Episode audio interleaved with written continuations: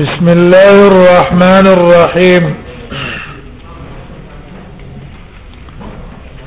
جامع الصلاتين مسله من پرون بیان ولا یو جام بین الصلاتین د په حضر کې من غیر عذر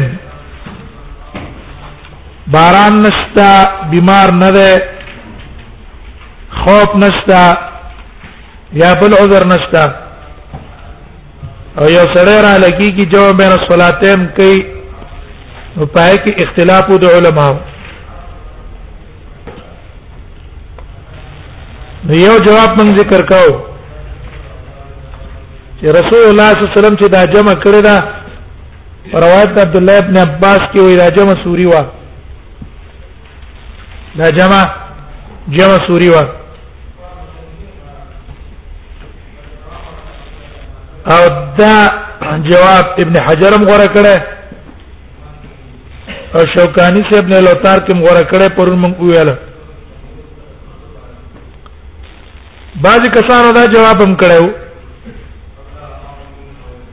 چې دا رسول الله صلی الله علیه وسلم جمع دیو جن وکړه چې په دا ورځ کې یوم غیم وا وریاز وا نو دا غیم د وجه رسول الله صلی الله علیه وسلم ګمان دا وکړو یعنی ماجګر وخت داخل شوی دی ماجګر وخت داخل شوی دی او یا ماجګر ماسپخیم وخت موږ نه تللی دی وخت د ماجګر تیر شوی دی بیا وروسته ورځ لاړ یو مغیم و نو دې وجنه وکړه لیکن په دې جواب باندې نو وی څه برت کړه نو وی څه رد پکړه او دا خبره ټیک نه ده وجه دا ده چې سید ماجګر کې خبره ختمه شونه ما قام ما قسن کې خدای احتمال خو نه کیږي کنه په دا قرض باندې رسول الله صلی الله علیه وسلم ما قام ما قسن مې وځه کړه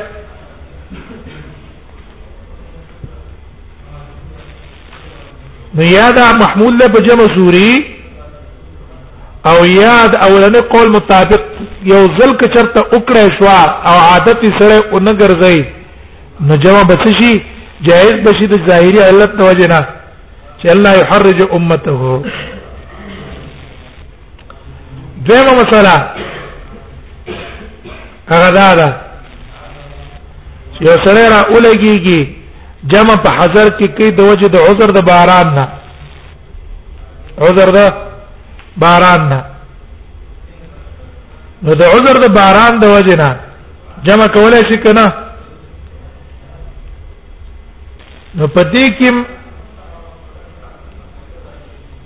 اختلاف ته د علماو منځ کې اختلاف ده احناف علما جمع جمع نه مانی دا غي مذهب دا ده چې جمع د باران د وجه جائز نه ده امام مالک داغه په نسبت باندې جمع جائز ده د وجه د مطر نه خو په مابین د ماقام او ماقصتن کې او د امام شافعي رحم الله په نسبت باندې امام شافعي اغي وای او دارنګ د امام احمد او دا د اکثر علما قولم نه چې په ټولو منځونو کې جمع بین صلاتین جائز ده په حضر کې د وجه د باران نه نا باران د وجه نه کوم علما چې وایي چې د باران د وجه نه جائز ده نو هغه استدلال په دې مفهوم د حدیث باندې نیولای د حدیث ته وګورئ حدیث د عبد الله ابن عباس ته وی رسول الله صلی الله علیه وسلم جمع وکړه په ما په مدینه کې من غیر خوف ولا مطر د دې منطوق دا دی چې دا جمع کړي د په غیر د خوف او مطر نه او مفهوم دا شو چې د خوف او د مطر د وجه نه جمع جائز ده کنه د وجه د د خوف یا د مطر د وجه نه جائز ده دا مفهوم شو په دې مفهوم باندې د علما استدلال کړای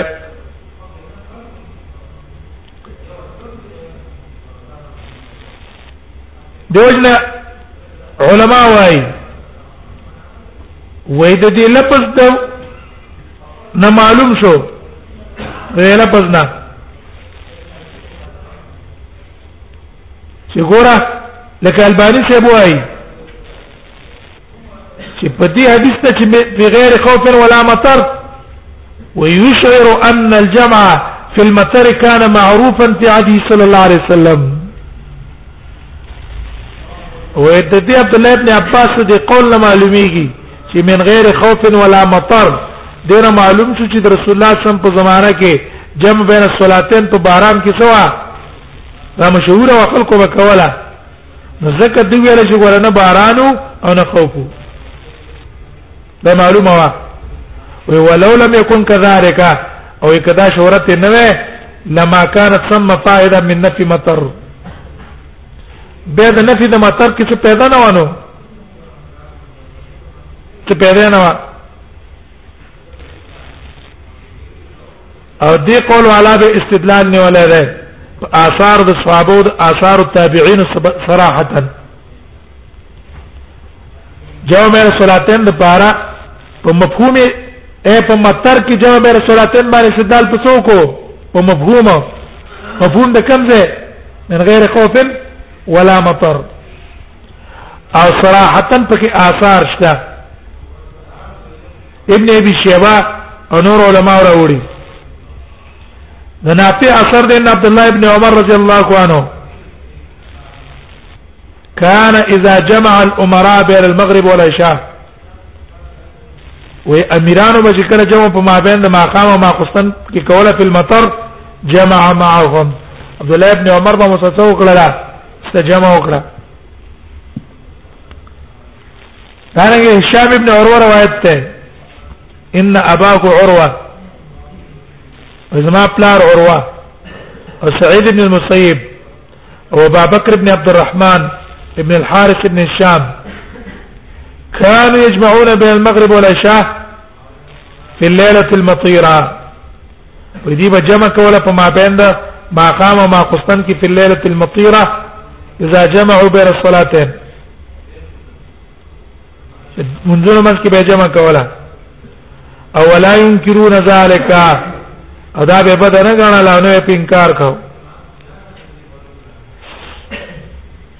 دار موسی ابن عقبه نے روایت نقل ہے اغوائی ان عمر ابن عبد العزيز كان يجمع بين المغرب والعشاء الاخره اذا كان المطر وعمر ابن عبد العزيز با ما قام ما قسطنط منس کی جمع مکولا کله بچ بارانو عمر ابن عبد العزيز جمع کړي سعيد بن المسيب عروة بن الزبير ومشيقة ذلك الزمان كانوا يصلون معكم ولا ينكرون ذلك عمر بن العزيز بشي جمع کولا نو په دغه وخت کې وسعيد بن المسيب بو عروة بن الزبير بو ابو بکر بن عبد الرحمن بو انور غړغټ علما په مدینه کې عمر ابن عبد العزيز به جمع کوله د باران د وجره او دی په انکار نه کو جمع به صلاتین به کوله نو ډیر معلوم شي جمع به صلاتین په مطر کې څه ده جائز ده روانه ده بل په اعذارو کې مرض ده نو مرض کې جمع جائز ده احناف په کې جمع سوري وای او دا نور علما په کې څه وای جمع حقیقم پکې جایز وي خو خدا دا چې جمع سوري وکړه بیمار دا به افضل ولا دو حذر دویم صورت ته د سفر جمع میرا صلاتین فی السفر په سفر کې جمع میرا صلاتین جائز دی کنه په سفر باندې ته وتلې او ته په سفر کې جو بیر صلاتین کې نه بیماری نه باران شته بل تکلیف نشته خو صرف د سفر د وجه نه چې هر مونږ په خپل خپل ټیم نشم کولای راشه په یو ټیم باندې وکا دا ځوان مونږونه جمع کا آیا جمع بین الصلاتین په سفر دا جایز ده کنه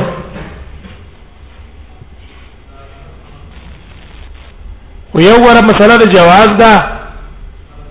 او یو د مسله د افضلیت ته دواړو کې فرق دی دښوا یو د جواز یو د افضلیت نو په جواز کې پنځه قولې د علماو په جواز کې پنځه قولې د علماو اول قول له جواز الجمع بين الظهر والعصر وبين المغرب والعشاء جمع تقديم وجمع تاخير جائز مطلقا کته جمع تقدیم کې ماجګر رامخ کې ماستخیم تا ما قسطن رامخ کې ما خام تا دا جمع تقدیم شو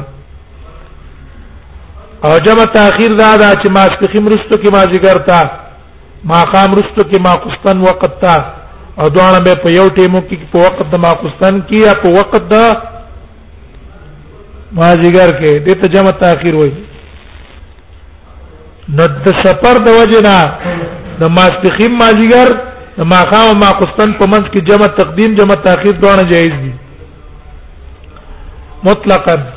برابر خبره که په سفر روانه او که په یوځی کې تا څه کړی پړاو دی چولې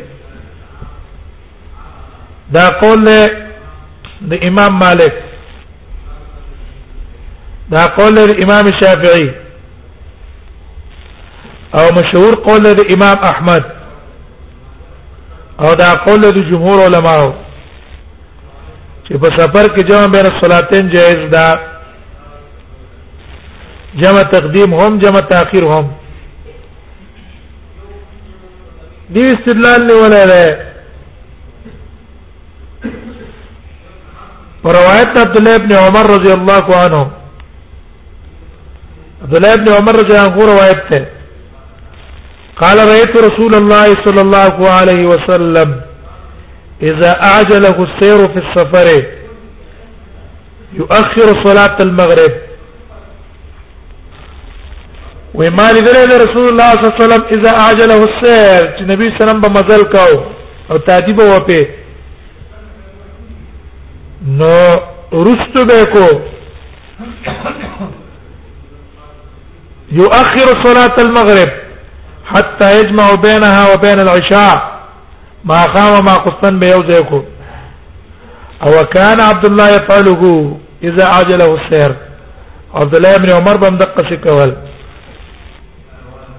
دا روایت امام بخاری دا وړه امام مسلم را وړه او امام مسلم سره د الفاظ جوړ کړی دی بعد ان یغیب الشفق دا تاخير چې دا سوري نه ده تاخير سوري نه ده بلکې تاخير حقيقتا ده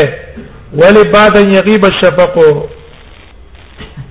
امام مسلم سره دي جمع بين المغرب والعشاء بعد ان يغيب الشفق نو پر روایت د مسلم کې صراحتا رال چې دا کم جمع شو جمع تاخير شو حقيقتا نسورت دیم استدلال دی ولې ده بما روى انس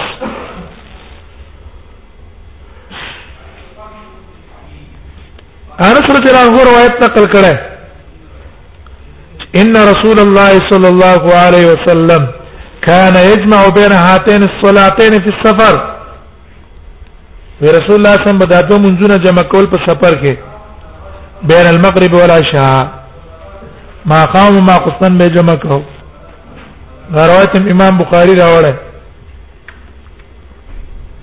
دریم استدلال کړه پر روایت ابو هريره رضی الله عنه ابو هريره ځان روایت ده ان النبي صلى الله عليه وسلم كان يجمع بين الظهر والعصر فی سفره فی سفره الی تبوک نبی صاحب چې کله غزوه د تبوک ته تلو نو په دغه سفر کې رسول الله صلی الله علیه وسلم د مازیګر او ماسپخین مونږ به جمع کوو اخرجه مالک فی المؤطا دا روایت ابو هريره امام مالک په موطا کې راوړل اگر کې ابن عبد البر دته مرسل ویله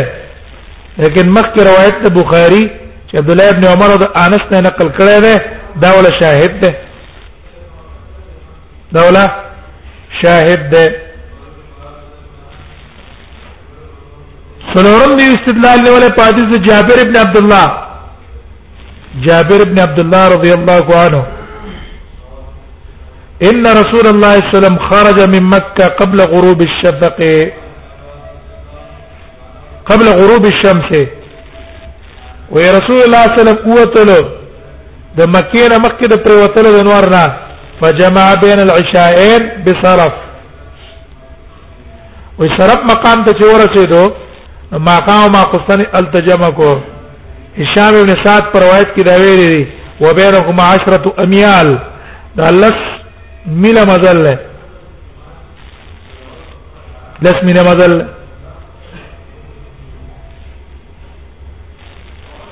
او د دې حدیث تایید روایت ابن عمر کې چې نسائی راوړل نسائی اسماعیل ابن عبد الرحمن وای شیخ من قریش اسماعیل ابن عبد الرحمن وای شیخ من قریش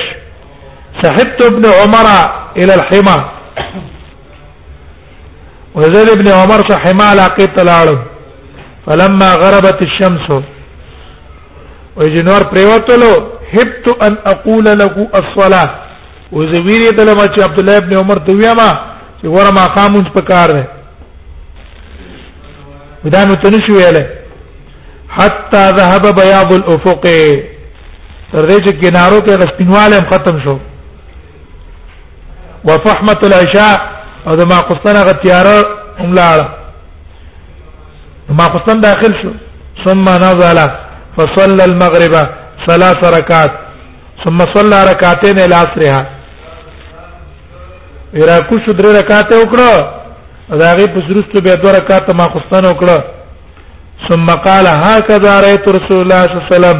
يفعل ونبي صلى الله عليه وسلم په سفر کې دقه څه کول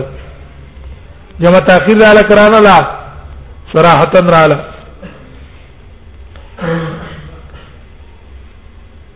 پنځم د عبد الله بن مسعود نه پخپلا جواب مې صلاتن نقل لا او احناف چې کوم استدلال نشي التبه جواب مونږ کو چې ګور خپل عبد الله بن مسعود د خپل روایت نه څه کړی دی خلاف کړی دی عبد الله بن مسعود نه په صحیح روایت کې نقل لې چې کان رسول الله صلی الله علیه وسلم یجمع بین الصلاتین فی السفر رسول الله صلی الله علیه وسلم دوه منځونه په سفر کې جمع کول روایت ابو یعلا راوړل پای کې دی دا ټول روایتونه کوم تاخيرو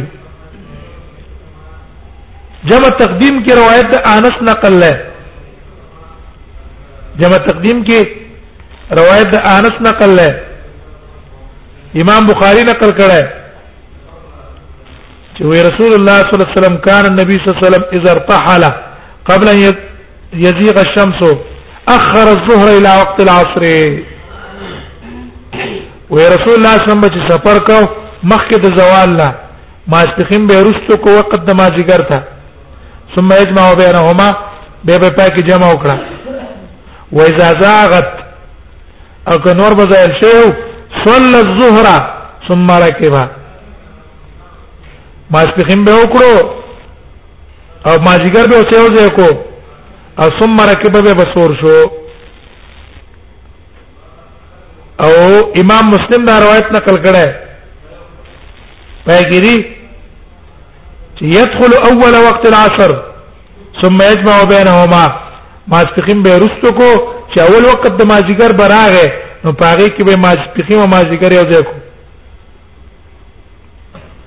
د ابن عباس روایت ته شپږم د ابن عباس روایت نقل له چې کان رسول الله صلی الله علیه وسلم یجمع بین صلاه الظهر والعصر اذا كان على ظهر خير چې نبی سم په مزل کو ماستقیم او مازیګر به یو ځای کو ويجمع بين المغرب والعشاء وما قام ما قصن به جمع کو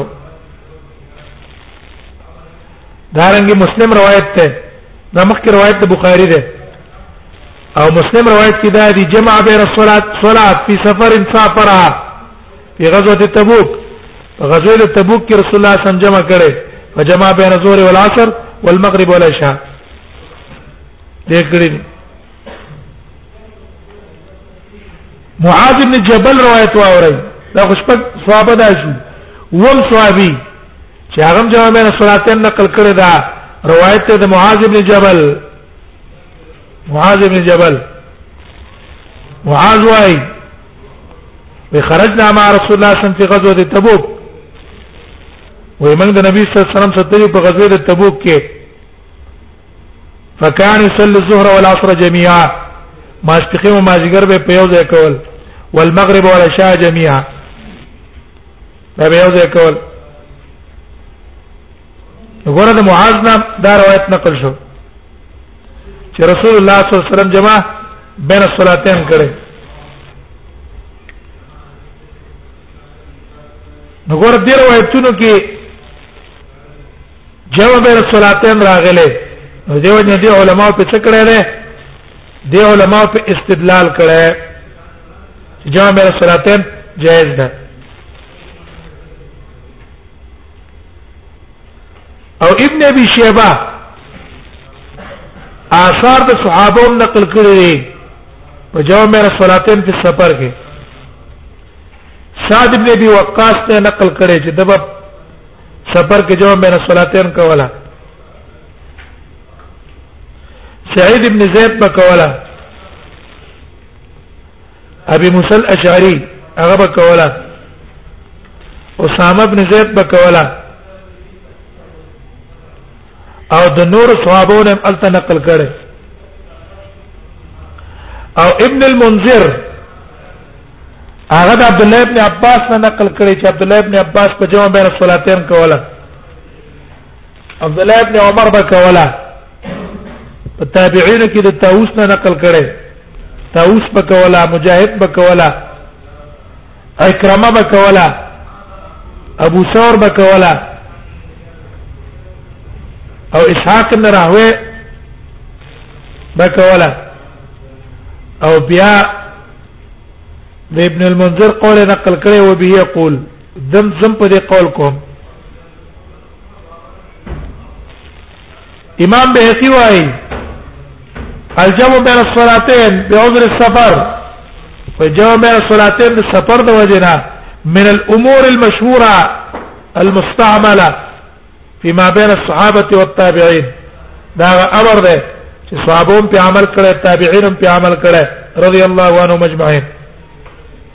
ما ثابت عن النبي صلى الله عليه وسلم نبی سمم کړه په صحابونو ثابت ده ثم ما اجمع عليه المسلمون من جميع الناس ټول مسلمان په جمع کړه په عرفه کې جمع کړي به په مزدلفه کې کړي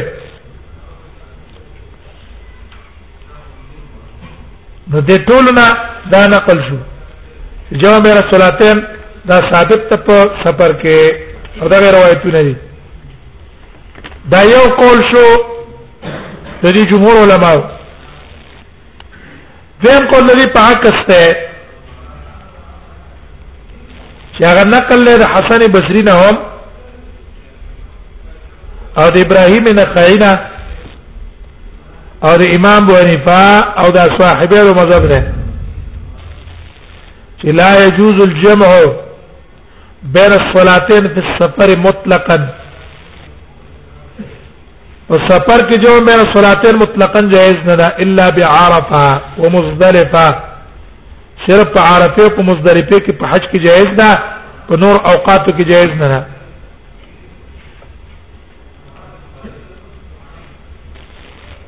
او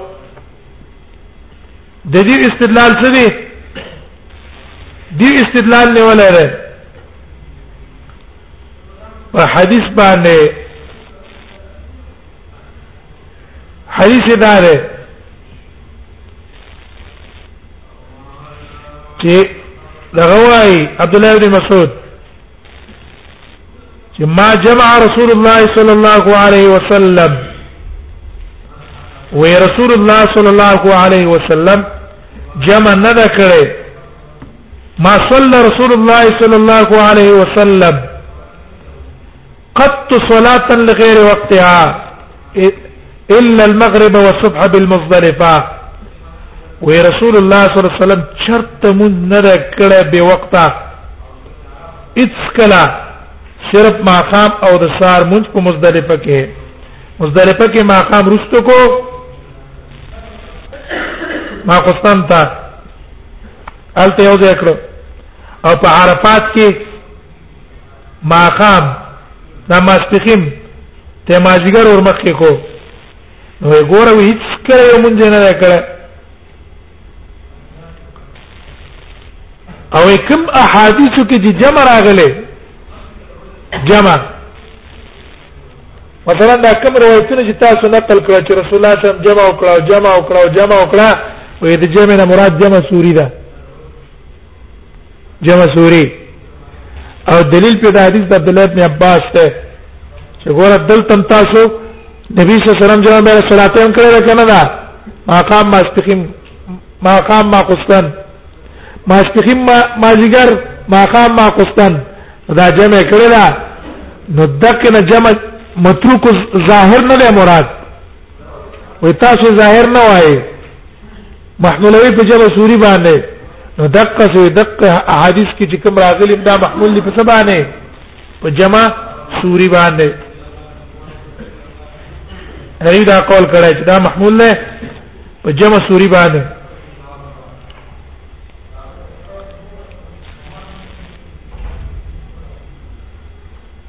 لیکن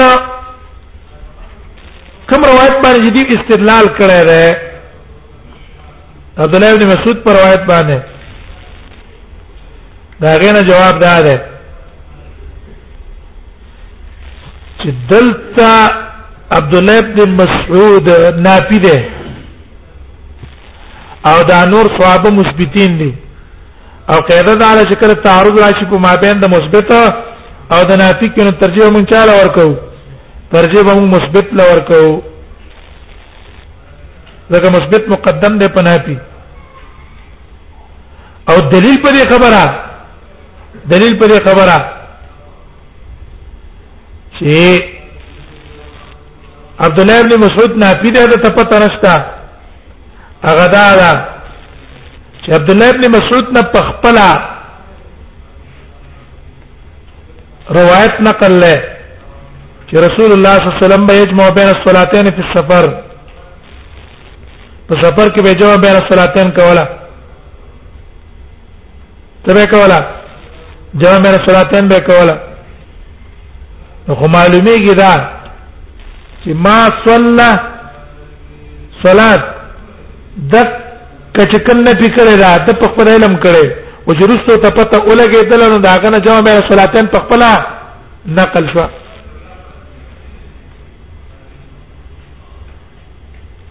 او پاتې شو جمع سوري چې کم تاسو ویلې نو جمع سوري باندې حمل کول شي نه ده زداغه جواب من کو ځکه جمع سوري او حرج ده او شریعت خو موږ ته جمع مې صلاتن په سفر کې د پار درته حرج ویلې موږ تاسو ته صورت معلوم ده چې کم ټیم ما خوستن داخليږي کم ټیم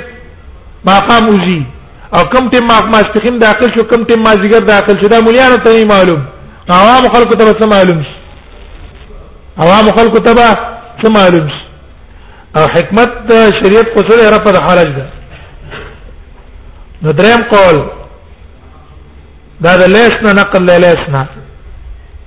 او مشهور مذهب د امام مالک نه هغه وایي چې دا جمع خاص تا بمن جد به سیر هغه چا د پاره جائز ده چې په مزل باندې رواني چې مسافر یو مزل باندې رواني او که مزل نه کاو به ولا جمع جائز نه او د استدلال په غپاس روایتونه نیولای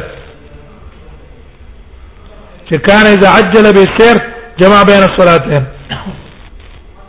ورسول الله صلی الله علیه وسلم چې کله تیز مزل باندې تلو جمع بين الصلاتين اندارنګ د عبد الله ابن عمر روایت مخکې تیر شو د عبد الله ابن عمر نه روایت نقل له سالم وي چې سئل وې د عبد الله ابن عمر نه تاسو شلو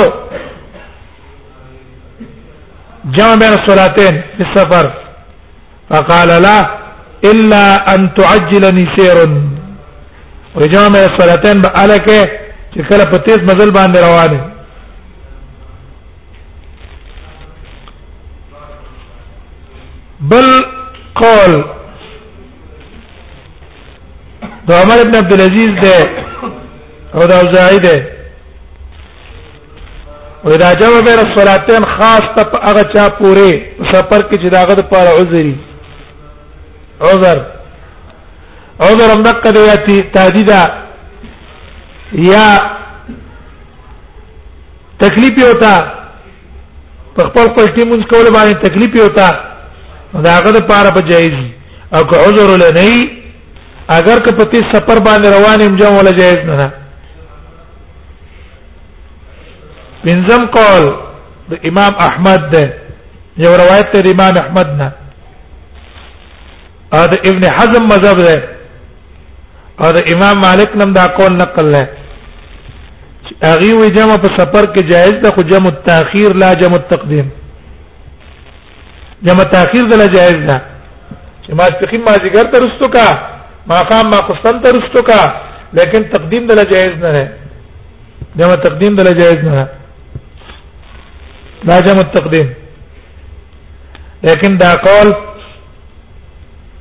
دی استدلال نه ولا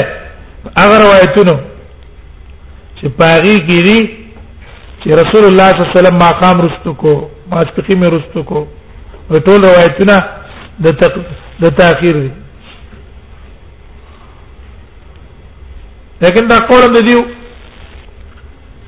کمزور ہے کمزور ہے وجه دا ده چې بعض روایتونو کې جمع تقدیم را لکنه حدیث د معاذ رضی الله عنه ده چې رسول الله صلی الله علیه وسلم په تبوک کې وتلو مخکې د زوال نه اخر الظهر او که د زوال نه بعد بتلو نو قدم العصر دا تر زوال نه بعد بتلو نو قدم العصر ماجګر به ترامخ کې کو هغه په دلیل ده باقي دا روایتونه چې کوم دي په دې کې خپل جواب جمع رااله او سوري باندې قید لګول او غیر سوري باندې قید لګول دا قول راجح نه ده بلکې شریعت اجازه ورکړې ده د پاره د څه د حرج پورته کېدل او چې جمع سوري باندې محموله ولې دا هغه روایتونه کې صراحتا راغل چې رسول الله صلی الله علیه وسلم کله کړه حتی یغیب شفقو شفق غائب شوی دی پس دا غره به مونږ کړه الته سوري جوړیږي سره سوري شکل الته جوړیږي نه نو سیدا دا چې جامع بیر صلاتین جائز ده په دې حدیثو کې راغلی دا یو حدیث نه ډېر حدیث نه دی پکې دا یو په باب نه به هره وې په دې باب کې د ابو هريره رضی الله عنه روایت نقل لې د ابو هريره نه ابو هريره روایت مخکې مونږ ویل قال ابو شاوي حديث ابن عباس وې حديث ابن عباس څه ده قد روي عنه ذره نقل شوی من غیر وجه په نور طریقو باندې رواه جابر بن زید جابر بن زید هم ته نقل کړه سعید بن جبیر هم ته نقل کړه عبد الله بن شقیق او قیلم ته نقل کړه اغیم ته نقل کړه او قدر یعنی ابن عباس علی نبی صلی الله علیه وسلم غیر هذا او نقل سید ابن عباس نه د نبی صلی الله علیه وسلم نه غیر هذا دینه بل روایت تم چرستو مصنف راوړي چې من جمع بین صلاتین بغیر عذر فقد اتى باب من ابواب الكبائر دا روایت تم ته نقل له هغه روایت صحیح نه ده حدثنا ابو سلمة عن ابي عن حنش اكرم ابن عباس عن النبي صلى الله عليه وسلم قال من جمع بين الصلاتين من غير عذر دا غير طريقه شو کنه فقد اتى باب من ابواب الكبائر وراغ باب من ابواب الكبائر یو غټه ګناه وکړه پیدا په ابن عباس نه دا روایت نقل لري خو امام ترمذی وايي وحنش هذا واذا حنش ده کنه دا ابو علي الرحبي ده وهو حنش ابن قيس ده وهو ضعيف عند اهل الحديث ټول محدثين په نسبت نه دا ضعيف ده ضعفه احمد وغيره امام احمد او نور علماء ته ضعيف ویل ده په دې حدیث باندې استدلال نیول او د دغه حدیث نه انکار کول د جواب بیر صلاتین د وجنه دا ظلم دی دا ضعیف دی قال ابو سواي والعمل على هذا ان العلم وي په دې باندې علماء په نسبت عمل له الله يجمع بين الصلاتين الا في السفر سفر کې جواب مې صلاتين کولای شي یا په عرفه کې کول شي اگر که مسافر نه مقیمین او بیا عرفه باندې ورسېدای عرفه کې اگر که مکی والا دي خو عرفات تلال نو په عرفات کې بل سلور په ځای باندې دوه رکعات کوي اگر که مقیم نه اوس پیشي په عرفه باندې اگر که مقیم نه هم به اختلاف ته علماء چې اېدا د سفر د وجه نه ده او کدا د حج د وجه نه ده د حج د وجه نه څلور رکعات د شو او په عرفات کې اگر که ته مسافر نه مقیم د رکعات دا جواب به صلاتین سره پاره صدا دا جائز ده لا بعرفه ورخص بعض العلم من التابعين ها بعض تابعين اجازه ورکړه په جمع بین الصلاتین للمریض د مریض لپاره او دا امام احمد اسحاقم قول کړه وقال بعض اهل العلم او بعض علما ویلي دي چې یجمع بین الصلاتین فی المطر وباران کې جمع بین الصلاتین کولای شي